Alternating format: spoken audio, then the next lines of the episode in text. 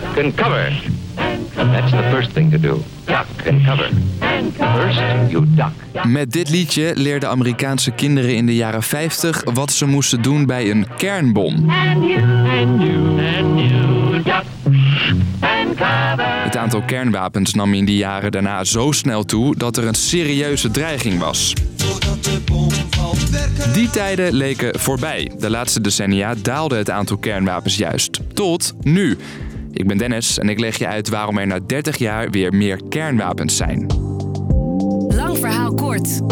Een podcast van NOS op 3 en 3FM.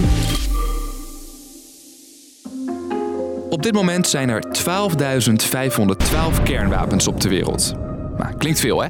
Maar het waren er ooit nog veel meer. Als je even een grafiekje inbeeldt, zie je hoe een lijn vanaf de jaren 50 als een soort Mount Everest omhoog klimt richting de piek in de jaren 80. Toen waren er in totaal zo'n 70.000 kernwapens. Kwam vooral door twee landen, Amerika en de Sovjet-Unie. Die vochten in die tijd de Koude Oorlog uit. De inzet laten zien dat zij echt de grootste hadden.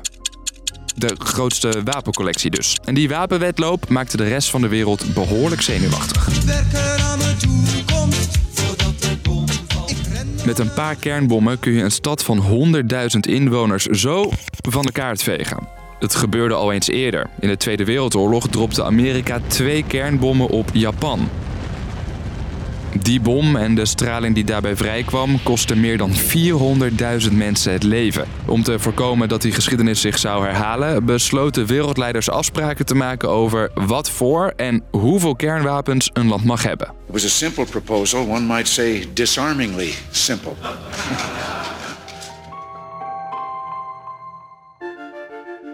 Daarom zijn sinds de jaren 70 meerdere verdragen getekend. Allemaal met hetzelfde doel. In this case, the complete elimination of an entire class of US and Soviet nuclear missiles. En die afspraken hadden succes, vertelt onderzoeker Paul van Hoofd, die alles van kernwapens weet. Maar wat ik wel kan herinneren is dat toen de Koude Oorlog tot een einde kwam, hoe opgelucht alle volwassenen waren. Dus dat vertelde mij als, als klein jongetje dat er iets heel belangrijks was gebeurd. Als we dat grafiekje nog even erbij pakken, dan kun je vanaf de piek in 1985 een vrij steile lijn naar beneden tekenen. Want nu, tientallen jaren later, zijn er veel minder kernwapens. Al betekent het niet dat de lucht daarmee helemaal geklaard is.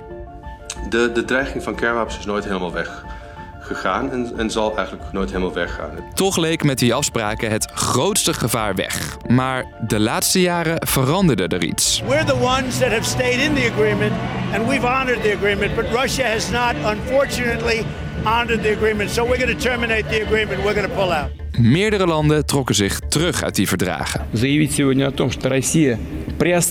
VS en Rusland bijvoorbeeld. Dus er is eigenlijk bijna niks van over. En dat maakt het ook een veel ja, gevaarlijkere situatie nu. Voor het eerst in 30 jaar zijn er dus niet minder, maar meer kernwapens.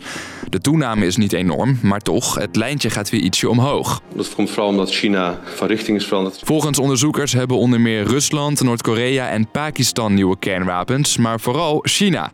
Zij zouden zo'n 60 nieuwe kernkoppen hebben sinds afgelopen jaar. China heeft historisch eigenlijk heel weinig kernwapens gehad, relatief vergeleken met eh, Rusland en de VS. Chinese leiders willen, willen dat verschil een beetje kleiner maken. En nee, we zitten nu niet op die piek uit de Koude Oorlog, dus dit soort spotjes zullen ze in de VS nu niet uitzenden. Toch is er wel reden om ons zorgen te maken, zegt Paul. Het is belangrijk om, om niet alleen te kijken naar het aantal kernwapens. Zoveel kernwapens zijn niet nodig om eh, heel veel vernietiging te bereiken.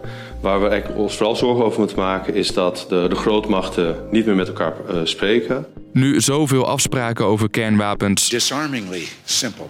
van tafel zijn, is het risico op een nieuwe wapenwetloop een stuk groter. Politieke spanningen tussen VS tussen, en Rusland, VS, China, andere staten, die spanningen zijn toegenomen. Dus daarom is de verleiding om te meer te investeren in kernwapens, maar ook meer te investeren in meer geavanceerde raketten, meer geavanceerde eh, satellietsystemen. En nieuwe kernwapens zorgen weer voor nieuwe spanningen.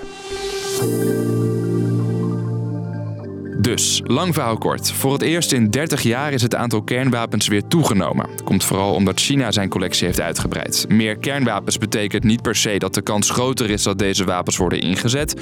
Al is het volgens experts wel een gevolg van toegenomen spanningen in de wereld. Dat was de podcast weer voor vandaag. Morgen lanceren we weer een nieuwe aflevering waarin we tot de kern komen van een onderwerp uit het nieuws. Tot dan!